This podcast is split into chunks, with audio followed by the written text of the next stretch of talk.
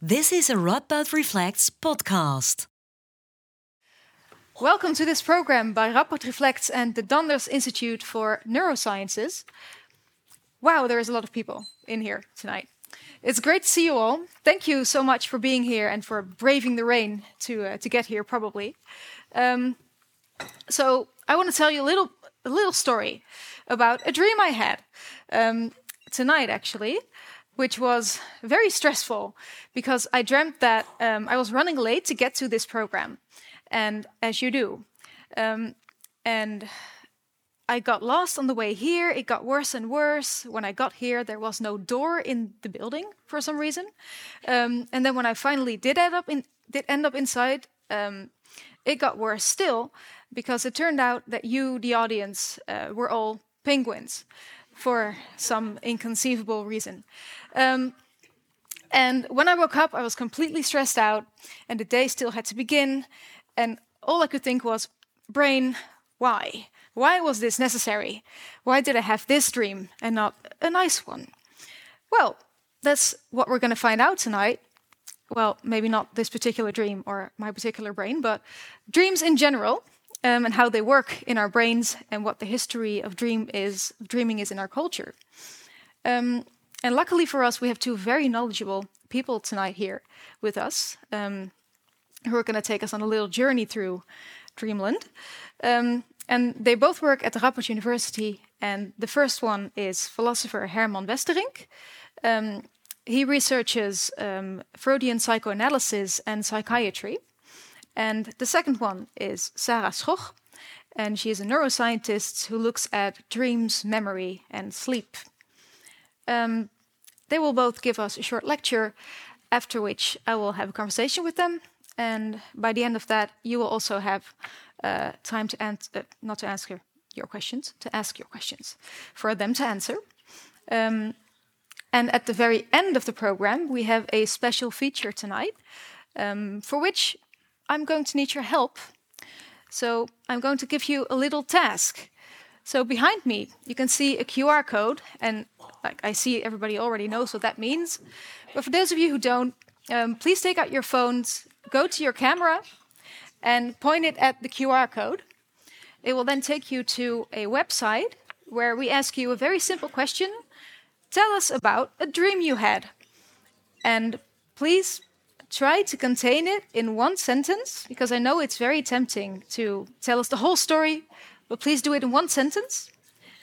Because the reason we're doing this is that at the end of the program, um, we are joined by our very own Radboud Campus poet, uh, Thijs Kersten, um, who is going to use all your input, all your dreams to write a poem for us and then recite it at the end of the program. So please share your deepest, darkest, well, maybe not your deepest and darkest, um, as uh, please darkest, as you wish. Um, well, it, it's going to be probably more fun if it's your deepest and darkest dream. Um, but your weirdest, your most recent, um, one that was particularly memorable to you for some reason, maybe one that even came true, um, just a dream that you can remember. And then at the end, we will see what Thijs can make of it. Now that you're all very busy and nobody is paying attention to me, it's probably a, a good moment to tell you that my name is Pam Teunissen. And I am a program developer at Radboud Reflects. And tonight I'll be moderating the conversation and the Q&A and the whole evening. So I'm going to give you like a minute more to to fill out the dream question and then we're going to go to the first lecture. So if you are done, just put your phone away and put it on mute also maybe. Good idea. So I can sort of guess how many people are still busy and how many people are done. Mm-hmm. Yeah, I see a lot of people still frowning, still on their phones.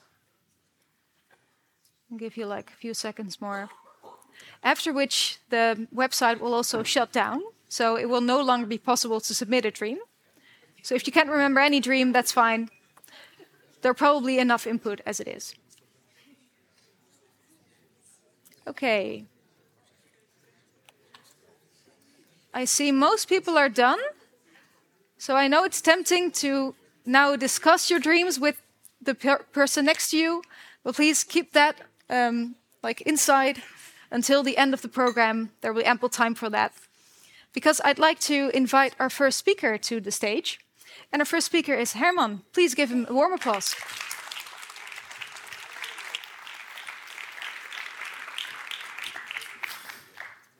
Can you all hear me? Yes? Okay. So I have um, about 20 minutes to tell you something about dreams and the way in which uh, this surely wondrous and also somewhat enigmatic phenomenon has been thought about in, in Western history. I will confine myself and also make some small uh, reflections or remarks on that history. I will confine myself to our own tradition of thought. That is already interesting and also complicated enough, I think, for 20 minutes. But this does not mean that what has been said about dreams in Western thought is necessarily very different or doesn't have some uh, crossovers with dreams and dream thoughts on dreams in other cultures and ways of thinking.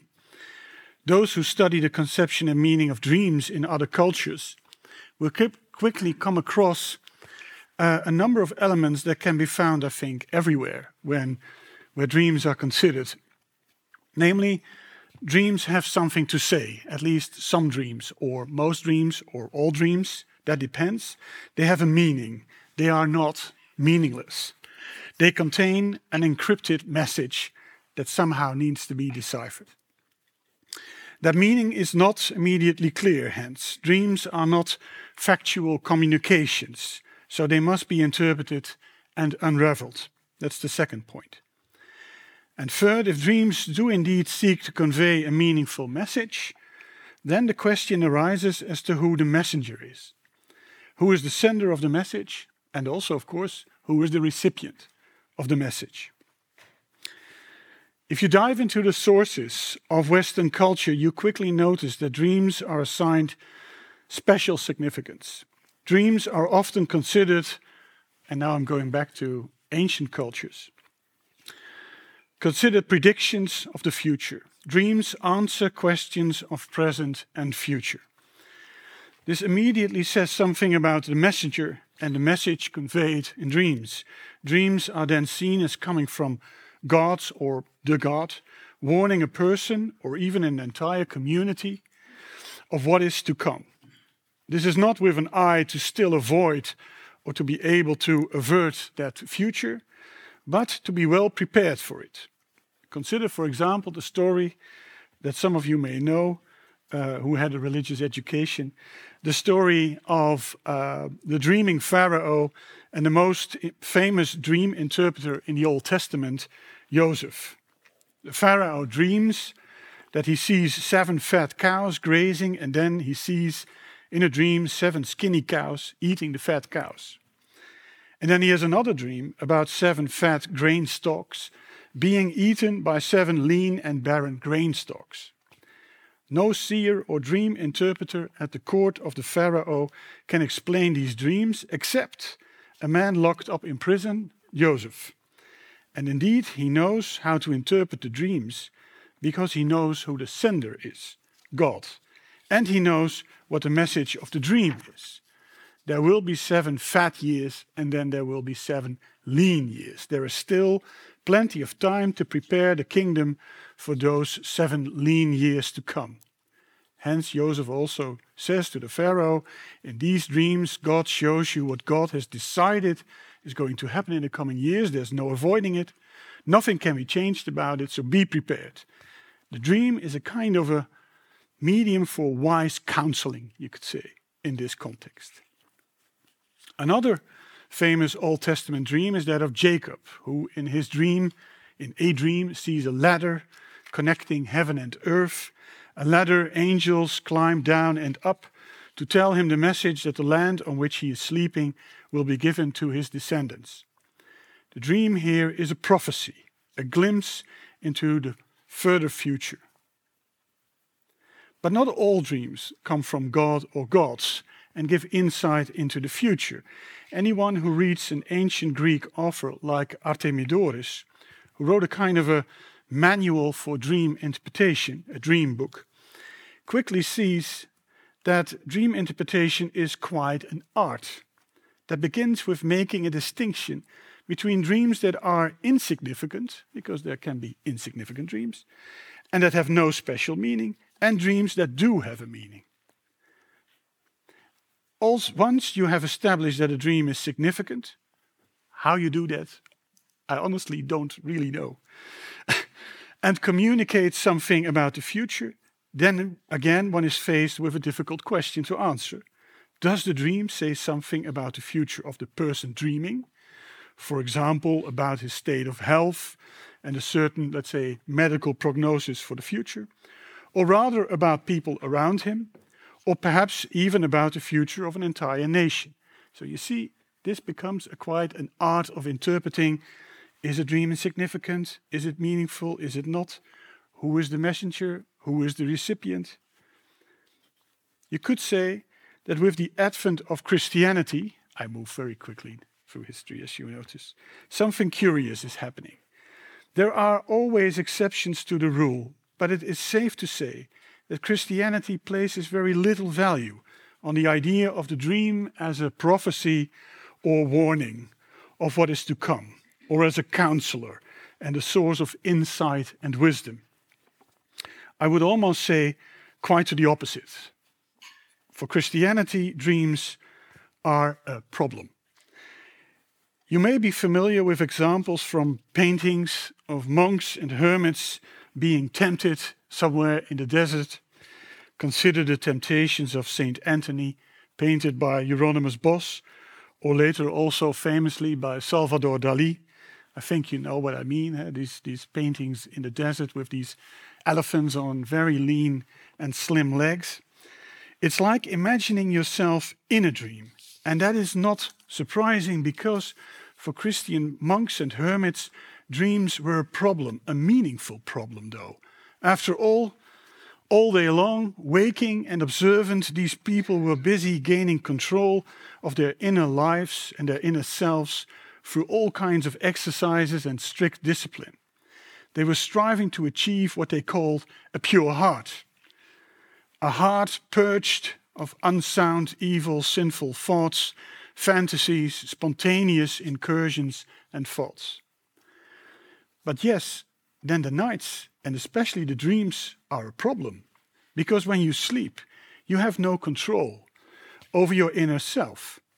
And seductive dream images of women, food, possessions, enemies, fame, and honor bubble up. And there you go as a monk. Dreams are troublemakers. Dreams show what demons still lurk in the dark corners of the soul. So, no, the monks preferred not to have dreams, and certainly not wet dreams. At the same time, however, those dreams were meaningful. They showed something of the actual state of the soul, however troubling it is. They shed light on what was normally covered up and hidden. So dreams provided some kind of self knowledge, at least if you knew how to interpret them properly. Dreams should be interpreted, not because they give insight in the future, but because they give insight in, into how a person is in his spiritual state in the here and now. They give insight into hidden thoughts, fas- fantasies, and passions. Dreams do not give predictions, but diagnoses. They are a kind of seismograph, measuring the hidden tremors and movements that shake the soul to its foundations. We leave behind the troubled monks and Christian thinkers and make a move to philosophy in modern times. You could say that someone like René Descartes does not connect to a longer tradition, does connect to a longer tradition in which dreams show something of our ability to fantasize, to think freely, and to, to develop all kinds of representations and images. Dreams show something of our mental abilities. Humans are very creative beings. But Descartes asks Do dreams also provide any kind of reliable knowledge? The answer is an unequivocal no. On the contrary, like fantasizing or hallucinating, dreams mainly show that we can easily deceive ourselves or be deceived. That we can assume and believe something to be true or certain without having any real grounded knowledge of it. After all, in dreams, we cannot distinguish between what is fantasy and what is reality. We perceive in dreams something as real that is, in fact, not real. We think we perceive something as real and genuine, genuine, but soon, but as soon as we wake up, we realize that we have only dreamed it. No, dreams do not provide certain knowledge. Dreams are deceptive and deceptions and they are to a large extent, for that reason, irrational. Philosophers have since preferred to disregard dreams, paying little attention to them, certainly in the Enlightenment period, and pointing at most, at most to their functional characteristics. Immanuel Kant, for example, sees dreams as permanent companions of sleep and it is a good thing that we dream, he says, because at least this nocturnal mental activity ensures that sleeping is not the same as dying. For some reason, Kant is always a bit, I don't know, grumpy and. As long as there is mental activity, we are not dead, which is, of course, true. I mean, we must admit. Hence, we can, he can also write that nightmares have a beneficial effect that you are startled awake because you dream. And now there is, are some typical, very boring Kant examples. Because you dream that you have lost your way. I could also say you missed a random train, lost the thread in a sermon, which is also a good thing to do actually, or appear in a company not wearing a wig but a nightcap. In short, real nightmares for someone from the 18th century like Immanuel Kant. That you are then startled awake is good because it makes the chest muscles and the heart muscles contract again while they were just coming to a standstill. Nightmares prevent us from dying. So for him, dreams seem to have a kind of a biological function. They keep the mind and body active. Dreams, especially anxiety dreams, keep you from accidentally dying in your sleep. I'm not sure what the neuroscientist would say about this. and yet, in philosophy, uh, as always, surely and slowly, dreams will come to occupy an important place again. And especially in the 19th century, I say philosophy, I might also have been able to say psychology, but psychology arises out of philosophy in that 19th century. After all, philosophers at that time are more and more occupied with psychological research, also experimental research, into our mental functionings and capacities. And then it is not all about show how to uh, how senses and perception, for example, work, or how we arrive at knowledge and about uh, moral judgments, but it's also about, for example, the question of what memories are, how representations and perceptions are mentally processed and stored, and how perceptions can be associated with memories in such a way that new representations are created. And with that, dreams also come back into the focus, for dreams provide insight into all kinds of psychological mechanisms and processes. Hence, they can be studied. The undisputed high point of the theoretical and clinical research on dreams from that time is without a doubt Sigmund Freud's voluminous study entitled Die Traumdeutung, published in the, near, in the year 1900. In this study of eventually nearly 1,000 pages, Freud not only develops a very own theory of dreams and their interpretation, but to begin with, he gives also an overview of the existing theories. In it, it immediately becomes clear what the major theoretical points of contention are and were at that time. First, the question whether the dream is a continuation of the impression in a waking state, mostly the day before, or not. If it is, then dreams are a kind of processing of impressions that we had shortly before. There's also some experimental, experimental research on this, for example, um, on um, the um, um artificial generation of dreams. Experiments were done, for example, which is very funny, um, by ticking the nose with a feather of somebody who was asleep. And then that person in question mentioned that he promptly found to have dreams of torture and torment. I would. but, at, but an entirely different perspective was that which stated that dreams had nothing or at all to do with impressions of the previous day, or otherwise.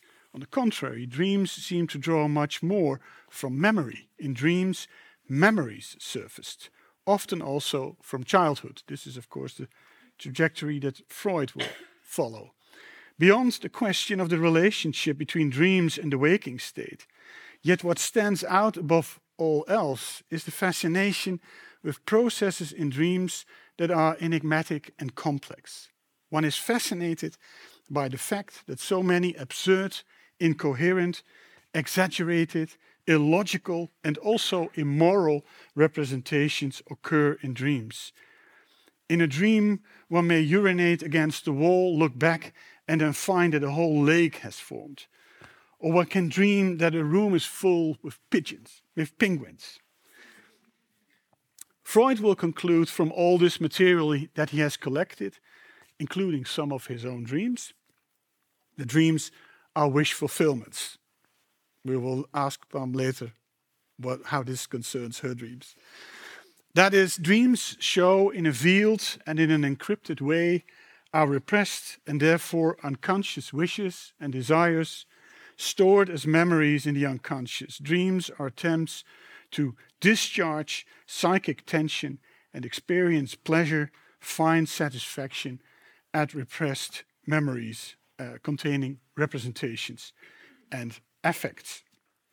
I dream, and in that dream, I try to realize everything that I deny myself in daily life and to which I have no access when I am awake. Dreams are wishes and aim at satisfaction. For the latter reason, Freud, dreaming, for Freud, dreaming is also work or labor. He literally speaks of Traumarbeit, dream labor, performed in the dream. To dream is to work. To dream is to process or work through. In Dutch, we would say doorwerken of verwerken. So, dreams are not the effect of a mind calming down. To the contrary, Dreams are evidence of very much and complex mental activity of effort. Dreams are labor, just as thinking is also labor. Freud's Die Traumdeutung is a milestone in dream literature, but obviously not the last word. For as influential as it, is, as it is in both scientific theorizing and in, for example, literature and art, this book is already receiving opposition in its own time including from Carl Gustav Jung. According to Jung, dreams are primarily attempts to process impressions of the present. But in that process, Jung says, they draw on sources deeper and older than those of the individual. The dreamer draws his dream material from mythical and archaic images stored in what Jung calls the collective unconscious. What we find in dreams are often archetypical images, images that crop up again and again in each of us and that testify to a, some kind of a common ground. I dream, but the dream content is strictly speaking not mine. The dream expresses something that precedes and transcends us. In the dream, I connect to the experience of past generations. A very different theory. So Freud and Jung developed psychological theories of the dream and dreaming based, I haven't said that yet, but on their own clinical practices. But of course, that psychology as a science has not stood still since. Dream re research has moved on from psychoanalysis through all sorts of detours and trajectories to contemporary neuroscience. And this is the place where I give the floor to Sarah.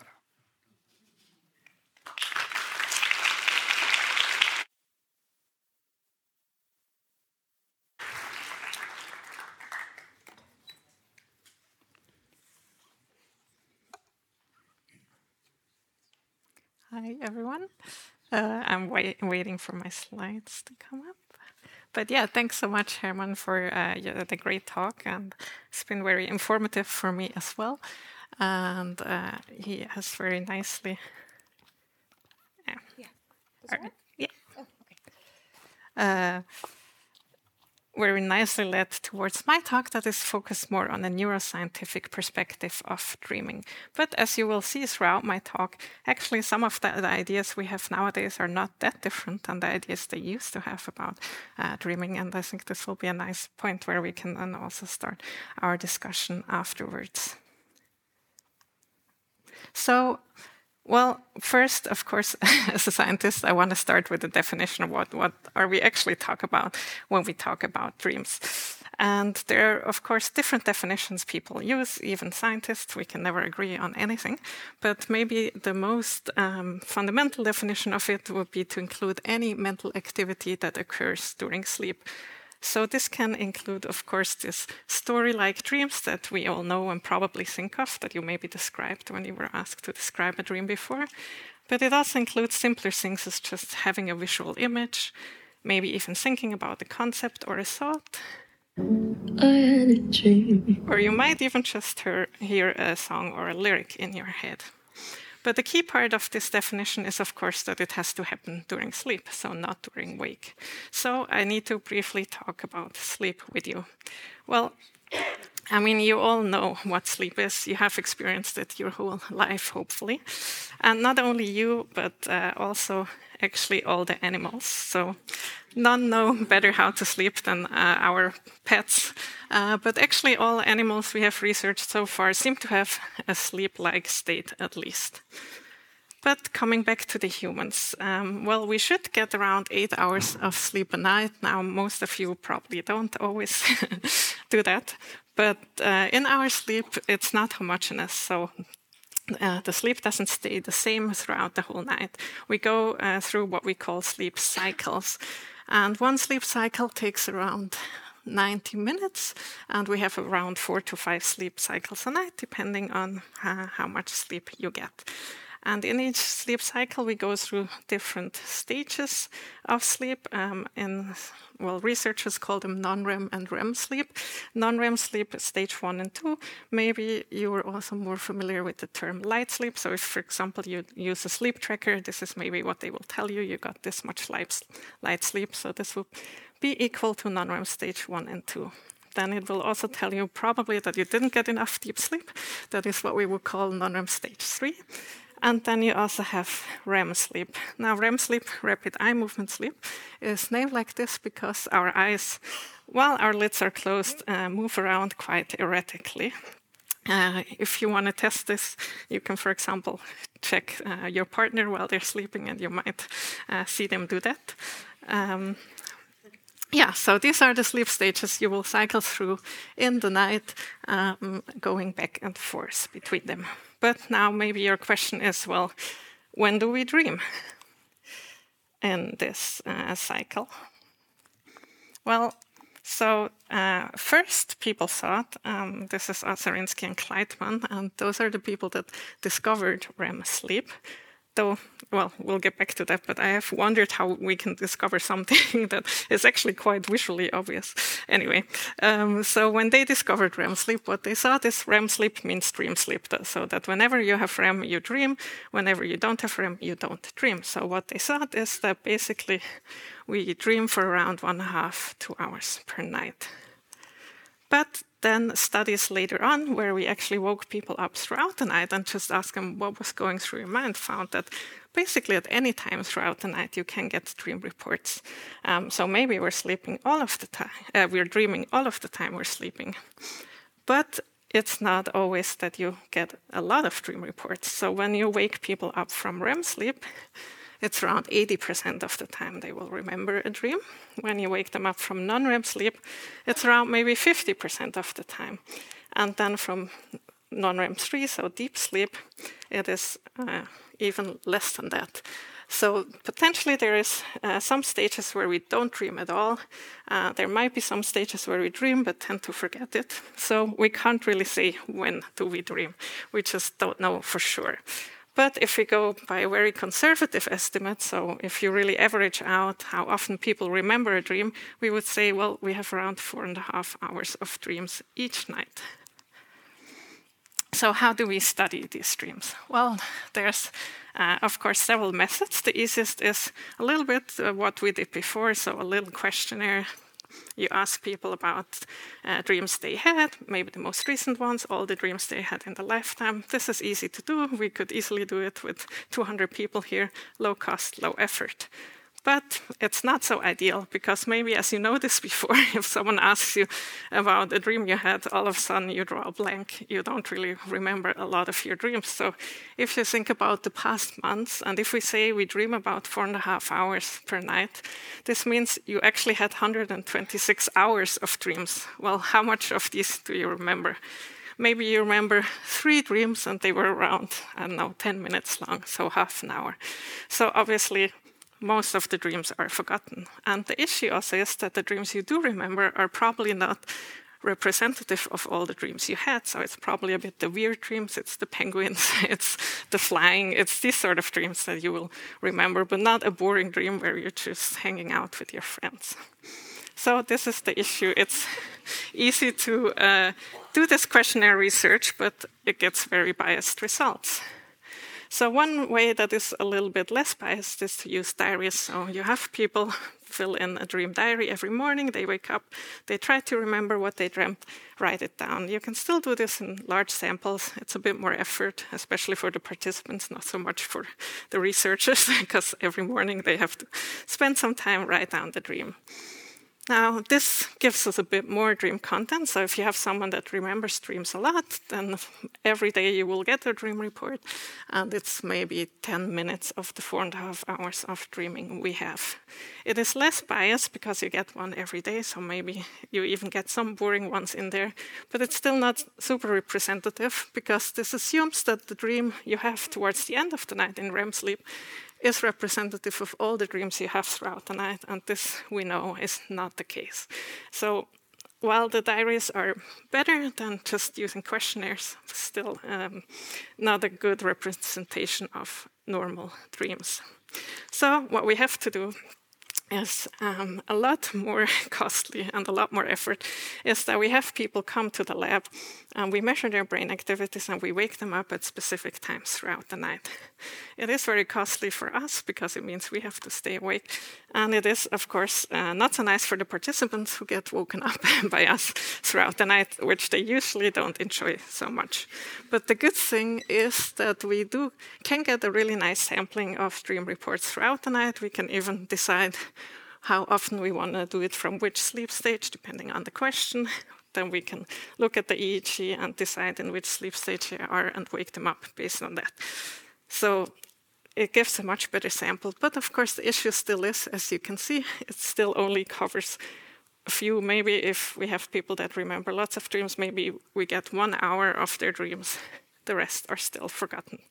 So, of course, what um, dream researchers dream about is that we could directly read dreams from brain activity so that we don't have to wake them up and we don't have to rely on them remembering their dreams. And people have been thinking and working on this for a little while, so this came out 10 years ago. And what they did here is they had three participants who slept in the MRI scanner. Now, most people don't sleep very well in the MRI scanner. It's very noisy, uncomfortable, you have to lie still but they found three people who could do it. And then they were mean enough that they woke them up 200 times while they were uh, sleeping in there and they asked about their dreams. And then what they did is they took the dream reports and basically labeled them. So, oh, this dream was about a male, there was food, and so on in there. And then they trained a model on the brain activity to predict, okay, which categories or which uh, aspects were in the dream. And what they got out is basically uh, this sort of decoding so that for each category, so the red one here is that there would be a character in the dream, they got a score which indicates how likely it is. And here is one example where it worked well. of course, that's what they took as an example. So where uh, it predicted, oh, there's likely a character in there, and yes, there was. So they managed to get around 80% accuracy for some topics like character or location, which is not great, but also not bad. But then they also had a lot of topics where they only reached chance level, so 50%. So we're still quite far from directly decoding uh, dreams, and that's even if we get people to sleep in the MRI scanner. So don't worry, we're not going to read out all your dreams automatically just yet. However, there's still some hope for the dream researchers that there's, while not so many people are working on decoding dreams right now, there's a lot of people working on decoding um, imagined images and seen images from brain activity. So again, mainly based on uh, people being in the fMRI scanner, very patient people who lie there for hours watching 10,000 images.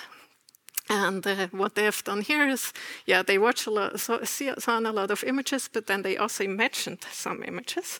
And then again, they trained it on the brain activity, tried to decode it, and also tried to reconstruct it. And this is where we are right now. so, uh, yeah, it, we get some stuff right, colors, maybe composition, but uh, at least I struggle to see an airplane in this image. So, again, we're still quite far from being able to read uh, read uh, dreams, and this is, of course, when you train and test on the same subject. It's a lot harder if you train on one person, test on another person. So it's still uh, quite some years in the future, but at some point, I do think we will get there when we will be able to decode uh, dream content from brain activity, but we're not there yet.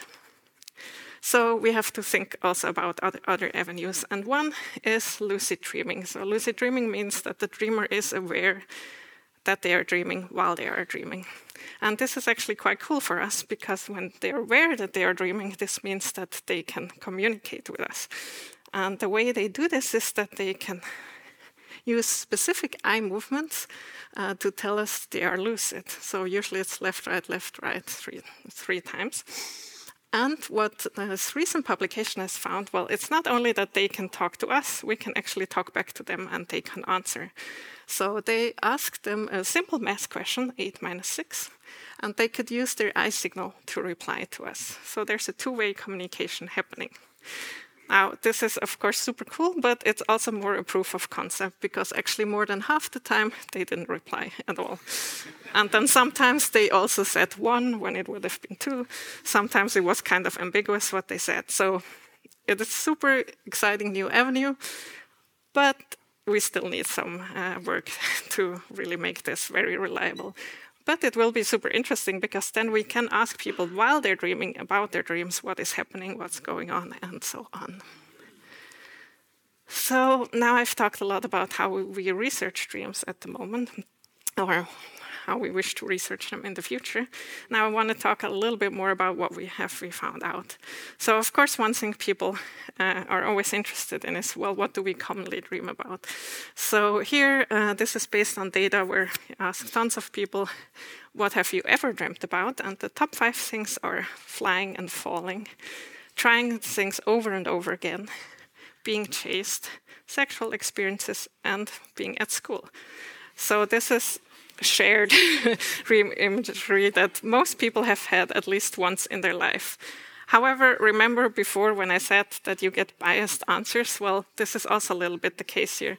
So things like flying, yes, you probably will have had a dream about flying, but they're actually quite rare. So less than 2% of dreams you are flying uh, in there, but you are likely to remember them because it's it's cool, it's fun to fly. So in the morning you will be excited, you'll tell someone, and then you'll remember it also later.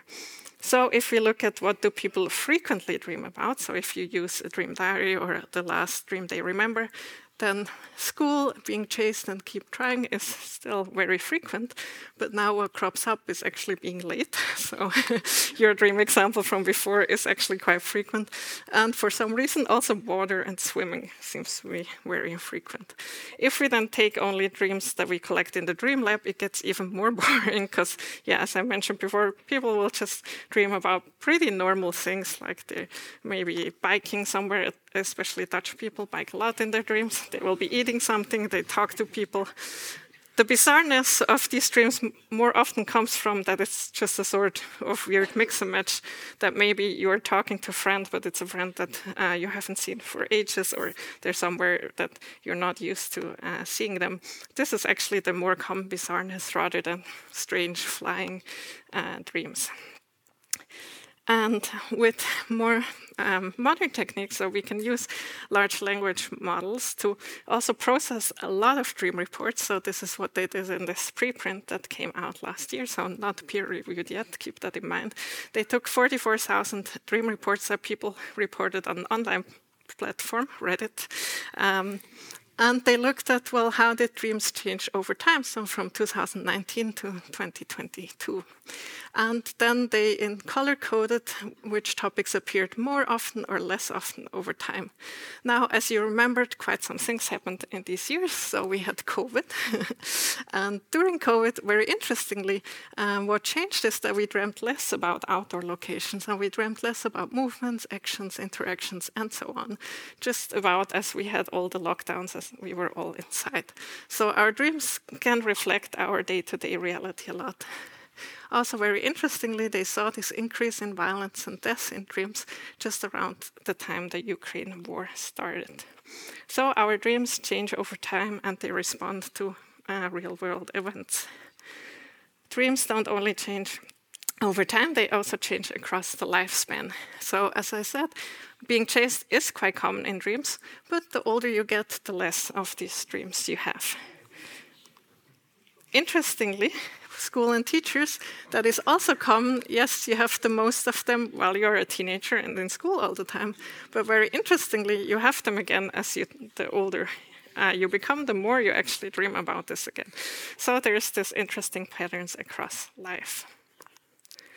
So now the big question: Why do we dream?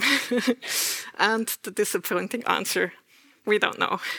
We just don't know. I mean we have a lot of hypotheses we have some data, but we don't have a lot of good data. And the, well, there are two issues. One is it's a very difficult question to answer because so if we say dream is consciousness during sleep, well, we also have consciousness during wake. Who here can tell me why we're conscious during wake? Probably no one, right? so it's a little bit the same issue. We don't we don't really know for sure. We don't understand consciousness that well, and it's very hard uh, to actually answer this. And it's also hard to experimentally research because we can't switch it on, uh, on and off at will. So we can't do an experiment where we just say, okay, these people will dream, this will not dream, and these will not dream, and then we see what's the difference. But I'll still uh, take you through some hypotheses that we had of why we dream and some of the data supporting or um, it. So, of course, some people think it's just a random byproduct, no meaning, no function. But then there's also some functions that have been suggested, such as memory consolidation, simulating future situations, and emotional processing. So, the first neurobiological theory of dreaming is that there's basically no function or meaning to dreams, that it's just a random byproduct. And what they thought in the activation synthesis model of dreaming is that basically when we're asleep, signals are generated in the brain um, and they activate regions in the cortex. And the cortex then tries to make meaning of this signal, but there's actually no meaning to it. Now, while there are these activations that spread throughout, I think most researchers have moved away from that this is completely random. And uh, that doesn't mean that there is a functional relevance to it, but at least that it gives us some insight. And one of the things that I think most people agree upon maybe that dreams are related to our recent waking life. So I'm sure you had the experience. You have an exam, and then it's very likely that you will dream about this exam later on. So we have found that more than half of our dreams reflect aspects of recent waking life experience, but very few are episodic. So you will dream about the exam, but maybe uh, your teacher is someone you knew from your childhood, or all of a sudden um, the exam was not, I don't know, on chemistry, but on something weird like dreaming. Um, so you mix and match uh, your experiences that you had. You don't replay an exact memory. And based on this knowledge, that we dream a lot about recent experience and knowledge from the sleep field, that memories are reactivated during sleep and they're consolidated during sleep. Of course, researchers have begun to wonder well, does dream content reflect this memory consolidation during sleep? And well, 16 uh, research groups have wondered this, I guess, to be quite precise. Um, so they have all conducted studies, and in these studies, the way we study this is that we give people a task to learn before they go to sleep. Then they sleep, and we collect their dream reports, and then we test them on this memory task. And we look at okay, are the ones that dream about it better than the ones that do not dream about the task? And generally, yes, this is true for different types of uh, learning, such as declarative learning, so learning facts, procedural learning, so learning skills like playing the piano, um, and spatial learning. This all seems to be true. But very interestingly, this mainly seems to be true for non-REM dreams. So as you remember the early life, early night dreams, and not these late night dreams that are very vivid. But overall, yes, it seems to be that dreams, to some aspect, um, some way, relate to memory consolidation. But a bit of caution is needed. For one, all these results are based on very small sample sizes 20, 25 participants, which is not great, but usually all people manage to do uh, in the sleep lab.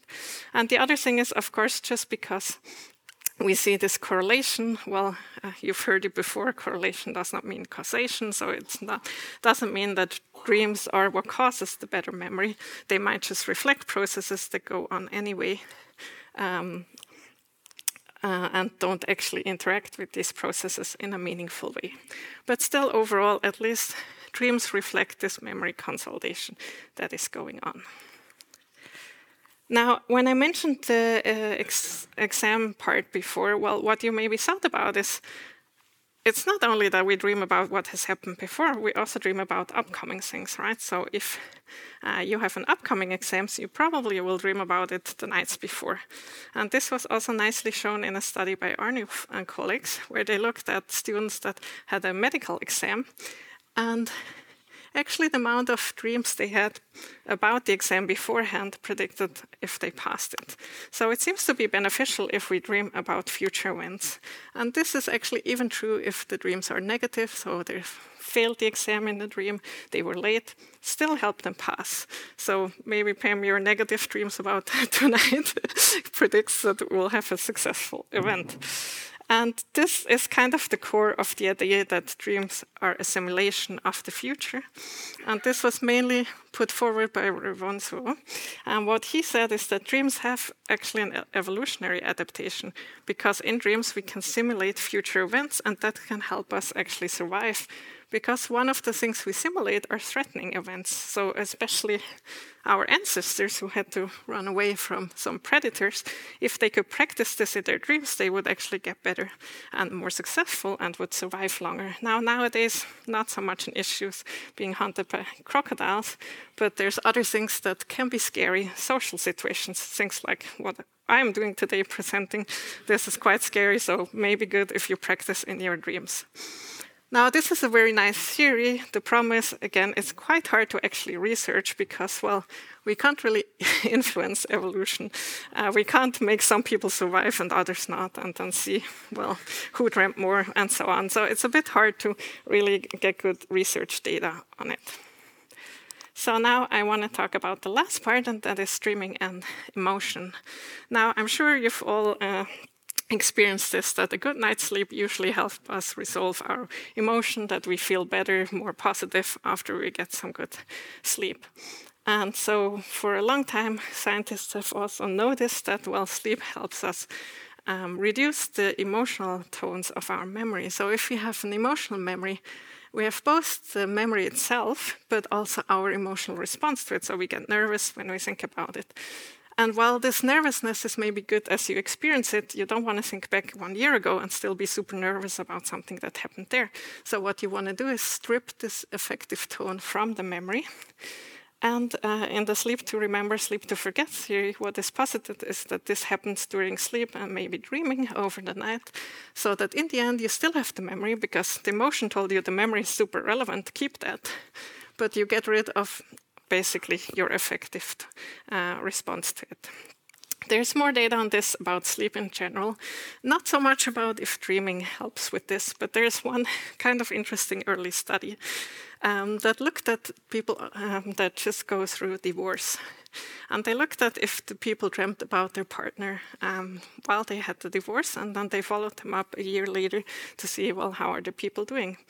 And what they found is that the people that dreamt about their partner a lot during the divorce actually adapted better after one year than the ones that did not. So maybe there is something to this working through emotions in your dream. So now I talked about three theories uh, memory, simulation, emotion. And while they kind of sprung up as different theories, actually, what we're getting around to more and more is that they are all linked. Because what is the, the, the purpose of having a memory? Well, the purpose of having the memory is that we don't have to start on zero every new day. It is to prepare us for the future. And one way we can do that is that we simulate a likely future so that we are better equipped to actually uh, deal with it. And of course, emotion is what tells us what will be relevant from the past for the future. So it all goes uh, together. And so, what we think is going on in our brain at night is basically that we consolidate the past, that we then simulate the future, and that emotion tells us what is important here in the long term. And dreaming either reflects these processes or actively helps us uh, do this during the night. Yeah, thank you. That is it from my side. Thanks for your attention.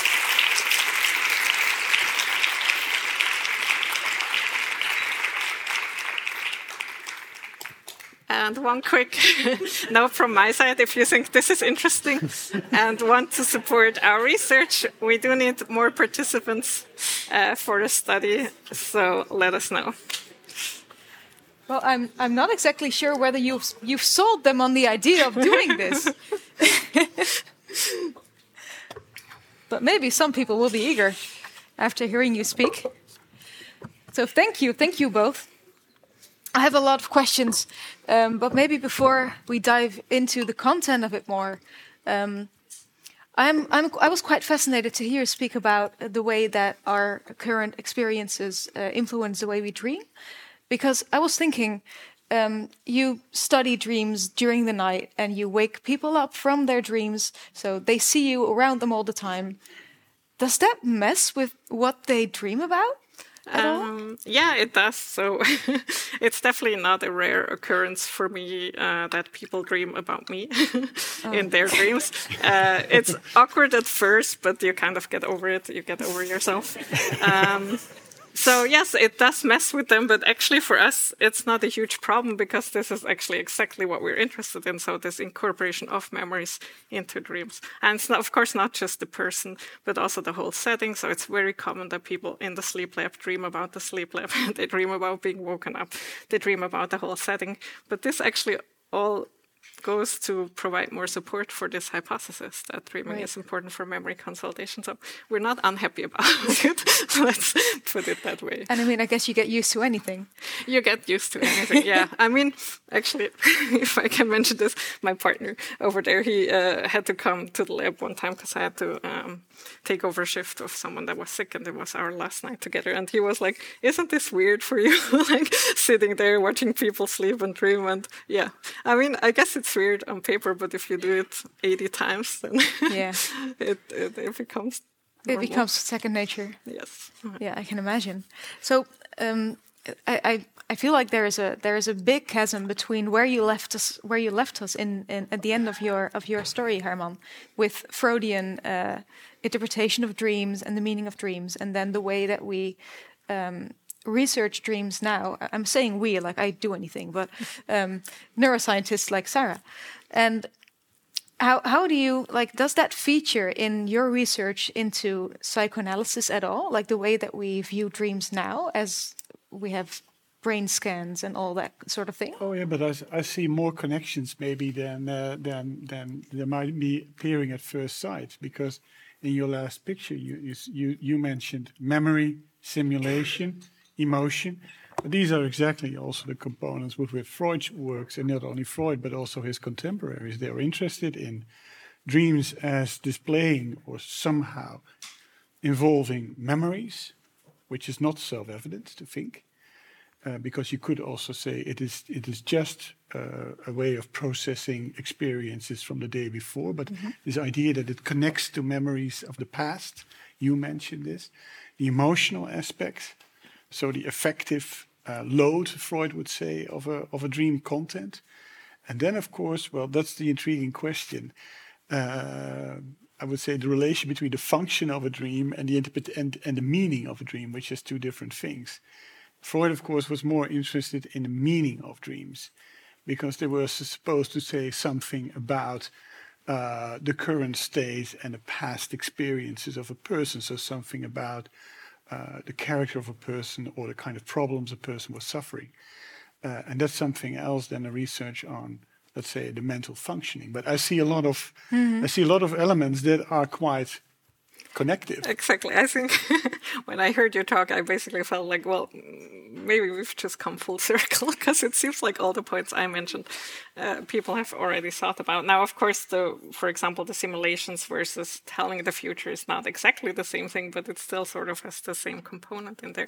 Same with memory, same with emotions. So, yeah, somehow we've circled back around and just mm-hmm. came to what, what people have thought uh, all along but now we have a little bit more data to to prove it and maybe uh, yeah a little bit less about the meaning but really more function. So of course all the things i talked about doesn't require that the person interprets their own dream or that the mm-hmm. person sits down and thinks about their dream. All these things happen anyway. You don't actually need to recall your dreams for that. You don't need to work on the dreams for that. So so through a neurolog- neuroscientific lens um, would it even make sense to ask, a, a, for example, a question about a certain element in a dream?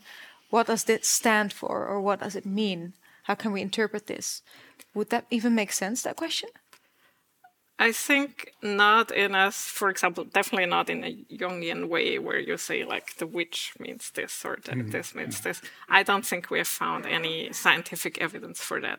So the only way certain elements would be interpreted is, for example, if you see like what we do, for example, with the memory task, where we present them certain pictures and then we look for these pictures in their dreams, but it's not the picture itself that we're interested in just because they learned that picture. So right. it's, yeah, not sort of these archetypes, but relating to specific experiences, basically. Mm-hmm. And you you showed us, uh, was it the dream decoder?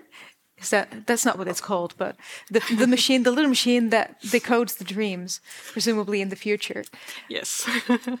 how how far away are, are we of that? Do you think? I think that's it's very hard to predict. It's still quite far away, as said.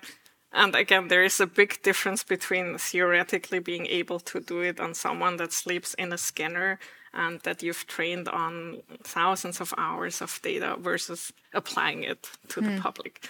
So the applying it to the public, I think we're still very, very far away from. Um, the other way is, yeah, it, it is hard to predict because uh, every now and then we make these big jumps of where all of a sudden things become possible, as we've seen with mm-hmm. ChatGPT and these sort of models, where all of a sudden we can create art and things like that that probably most people wouldn't have predicted that this jump came. So I don't want to put like a timeline on it, but yeah, I think this that we can read the audience's dreams, for example, is still very far away. That we can decode some stuff in the lab. That's yeah.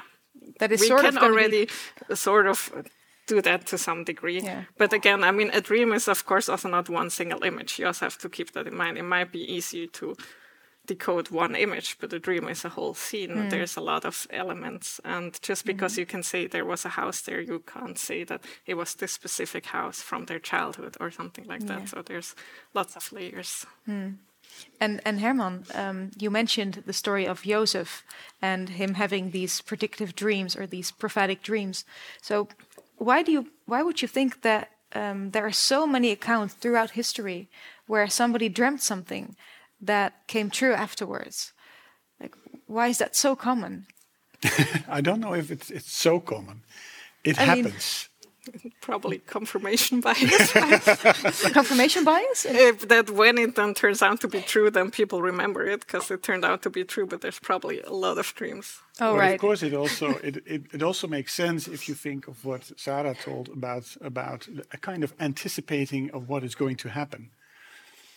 Because uh, I mean, even the, the, the dreams of Joseph are not that spectacular in that sense. I mean, a pharaoh dreaming about uh, the years to come. He's the pharaoh of a kingdom. He is supposed to think about the future. That is what we expect from our He needs to politicians worry about that, that, they do that sort of thing, yeah. that he should be worried about that. And so it's not strange that he thinks about, well, this is going all right now, and because we have a lot of harvest, etc., etc. But there could be other times. I mean, this is also a, a kind of an anticipatory dream. It's not predicting. uh, You could say. You could also say from your perspective, it is anticipating what is coming. So And then sometimes it lines up with actually what comes, and sometimes it probably doesn't line up, right? But that's the not the ones that I was mean, I written mean, about. for tonight, I hope it doesn't because that would be very bad news for everyone in this in this room. But, um, um, and uh, Herman, you um, you mentioned at some point, I think, I believe I heard you say that um, Freud was a neuroscientist himself as well, yeah, he comes Or- from neuroscience or from Ah, van la lettre. neurology. Neurology, yes. yeah. neurology. Yeah. What, what would that look like in the time before brain scans? Um, that's a good question. It would be very speculative to a large extent, and to a large extent based on anatomical research. So, what they would do, and what Freud also did when he was a medical student, is slice up brain and, and spine. That's the research that they did, and through anatomical, uh, On cadavers, hopefully. I hope so too. Yes. Don't worry for those who now are going to be in Sarah's experiment. no slicing. But this is this is where they started. They just started from anatomical research mm-hmm. and just, you know, that's the that's the fundamental idea of scanning a brain. How do you scan? You slice it in, in pieces, and then you start to seek out. And then, of course, you can have microscopes and you can look into cells and nerve systems, etc. So that's there is there is of course a proto neuroscience in a certain sense. Yeah. So how how did he reconcile that very like hands-on slicing up brains activity with um, these way more psycholog- psychological interpretations of dreams and dreams as messages from our deepest subconscious self? Ah, well, that has that has well, that's that's a long story, but to keep it very short, what Freud is confronted with, and with not only he, but ne- several neurologists in his time, is that there are certain clinical phenomena that cannot easily be displayed with a call upon an anatomical defect or an organic lesion or something like nervous generation, etc. So there is an urge there to look for purely psychological theory. Uh, that does not contradict, of course, the neurological findings. This is always that Freud, something that Freud is very careful about. But something that explain, helps to explain those cases that you cannot explain through the, the, the, uh, the normal established anatomical and neurological research, which makes sense, of course. Then you need a psychological theory. The psychological theory will have will be the psychoanalytic theory that Freud developed. That maybe some of the psychological problems that we have and that we also dream about uh, have something to do with traumatic experiences in the past. But That then the- dreams were the- supposed to be wish fulfillment also. Yes, because these experiences in the past are, let's say, ambiguous in the sense that they were highly unpleasurable, and at the same time there was maybe some kind of a pleasure involved. And so the wish fulfillment has to do with that, with the part of experience, the experiences and the affective load of the experience that is repressed and nevertheless refer, surfaces in the form of a wish mm. that needs satisfaction, that, that aims at satisfaction. It's very, let's say, you could also formulate it in a different way because Freud never really leaves the neurology of his time. For him, satisfaction and pleasure is nothing but the discharge of energy and tension. Hmm. So it's only draining off. Yeah? And this is something that also uh, was mentioned by you in your talk that maybe, maybe dreaming is just processing and draining off, draining off emotion, mm-hmm. for example. Mm. And Freud comes very close to that idea that dreams wish fulfillment is nothing but discharge of tension. So getting rid of tension, getting rid of emotion, affects, emotions, if you would. Right. Like. Then I guess I have I have well two questions for for you about the the way that we experience dreams. So first of all, dreams tend to be very illogical. They tend they tend to be very strange if you look back on them when you're awake. Like, is there a neurological explanation for for that? Why aren't they logically structured?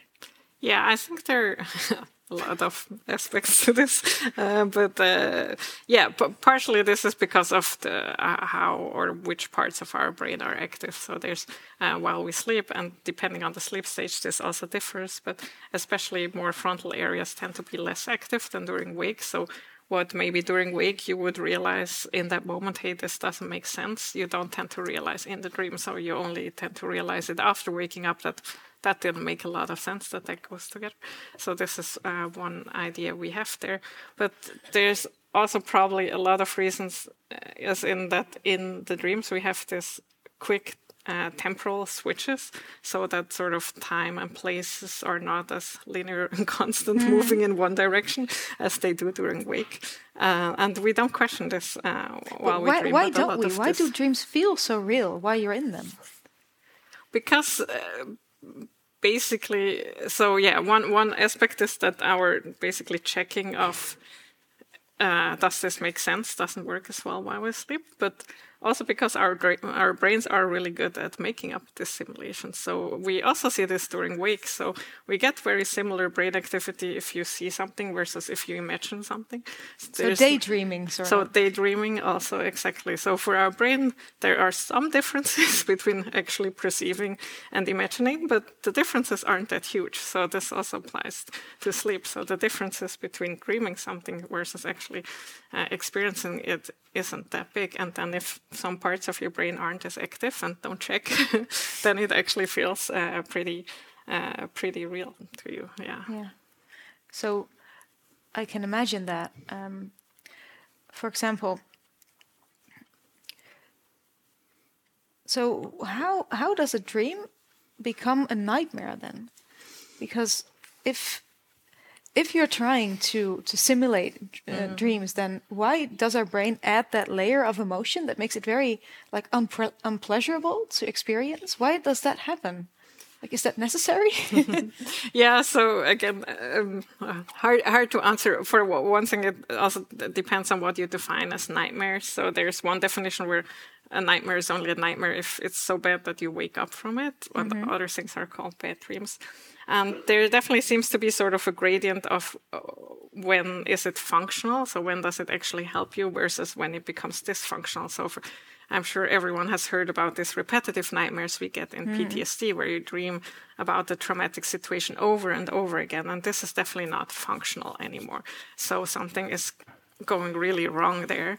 Um, what we think that potentially happens there is that actually your brain is trying to do this emotional processing, but it's not managing to do that. So it keeps doing it every night, but it just cannot manage to strip the emotion from it. And why it doesn't manage, we don't know for sure yet, but it might have something to do about your body being sort of in this hyper aroused state even during sleep, so constantly.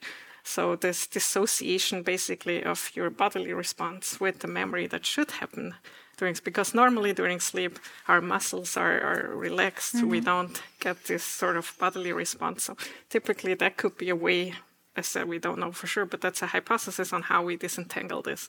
And that maybe, for example, in PTSD, this doesn't work because we have this hyper arousal during sleep and wake uh, mm. going on.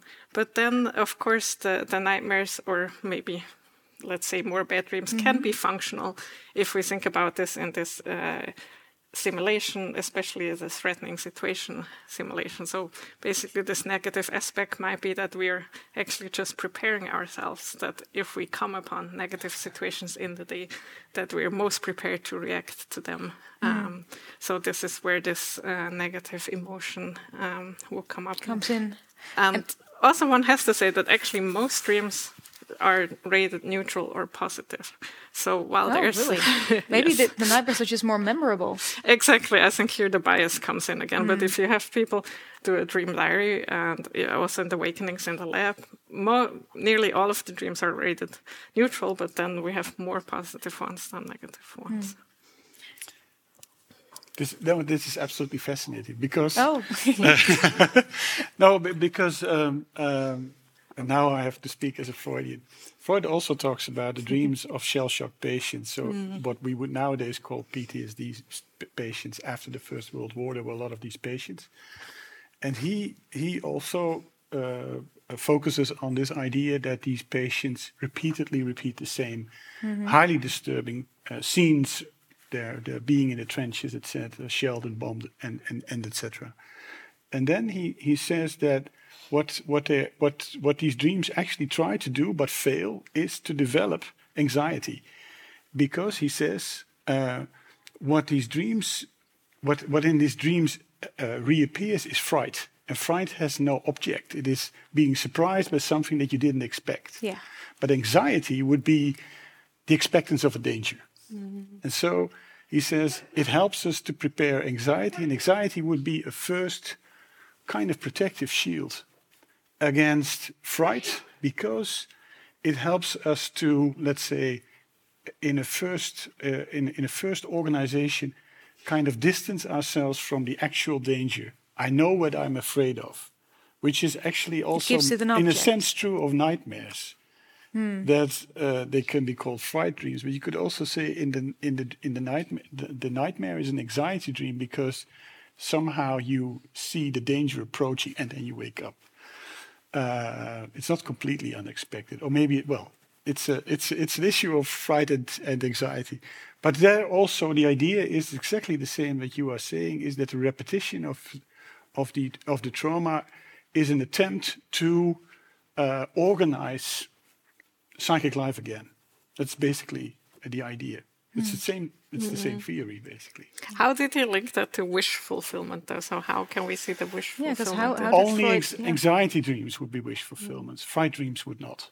Fright dreams is is there's no wish fulfillment in. in so this goes against they, his theory of all dreams. They are they, co- they are as it were they come before the, mm. the, nightmare. The nightmare would already be a step forward to mm. organized psychic life because I'm in a nightmare. I can be aware of what exactly the danger is that I'm confronted with.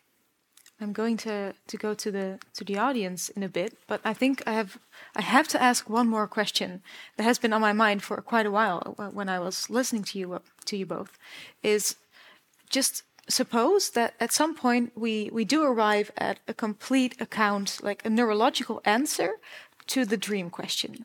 Like we we know exactly why we dream, we know how it works do you think that would kill the magic a little bit? Like, would would we still ascribe and like the meaning that we do uh, to dreams, or is is that role just done then? Have we solved it?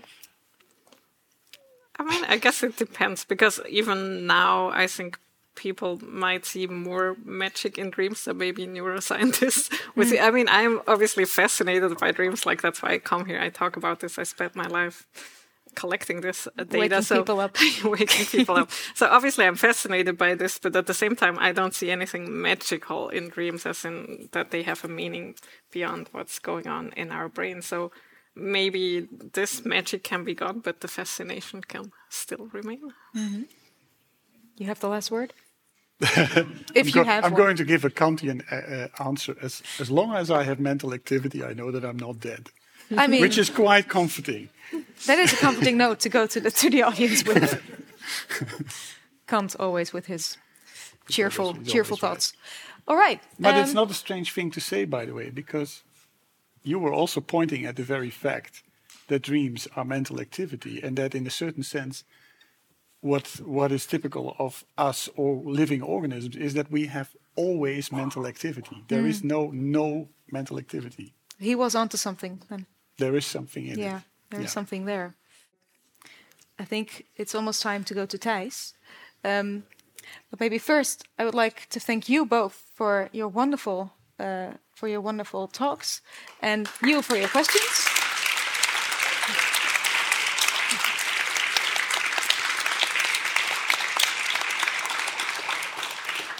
And I'm sure, Sarah, tomorrow when you wake up, you're gonna open your computer and there's gonna be like a hundred people subscribing to your to your dream Coming from research. Hopefully. So hopefully, and who knows, maybe in ten years we'll reconvene, and then maybe there has been a major step in dream research, and we can decode each other's dreams when we're in here. That would be cool. All right. Everybody will have dreams of penguins. I mean, I may have influenced some people now. Yeah, I'm, I'm scared. Um, anyway, but before we uh, go to our beds and uh, start acting our dreams, um, Thijs, the floor is yours. Enlighten us.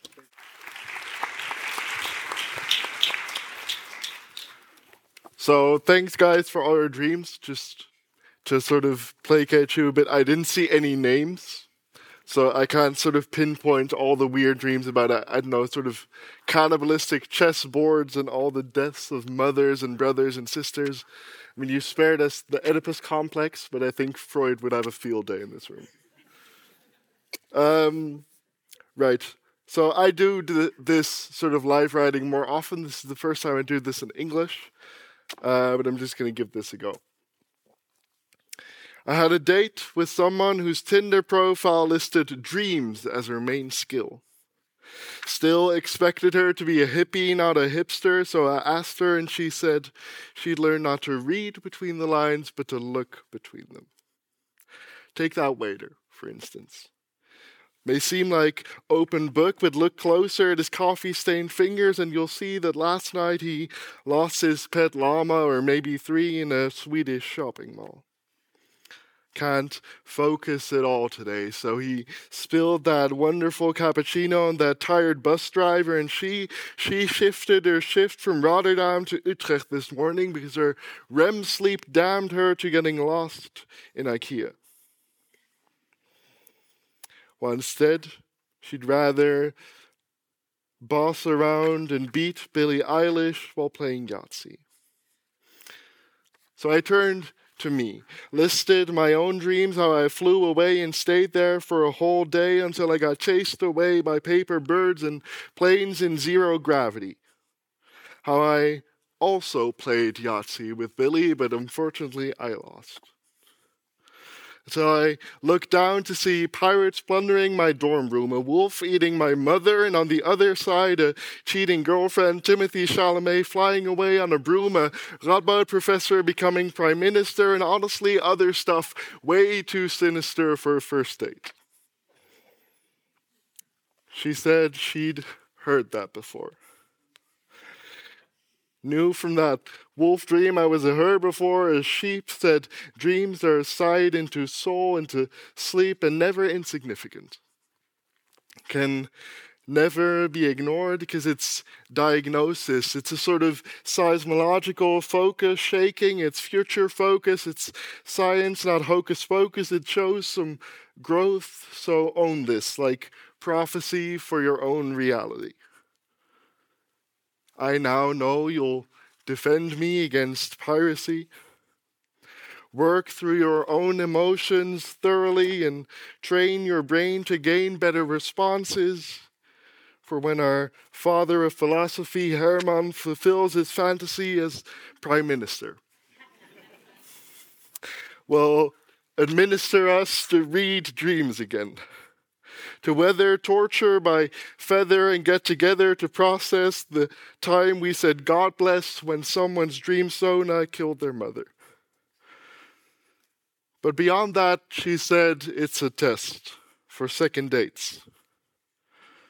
Because all these biblical ancient accounts, it state anticipation, its relation to our present situation. So I asked her, still shaking, if I passed. She said, It'd be my wish. Beyond atomic bombs, dead moms, friends baked into bread, stars as eyes that look ahead against giant red chessboard, she said, It'd be my wish. But no go. I like Yahtzee, but I won't date someone who lost against Billie Eilish. Thanks so much.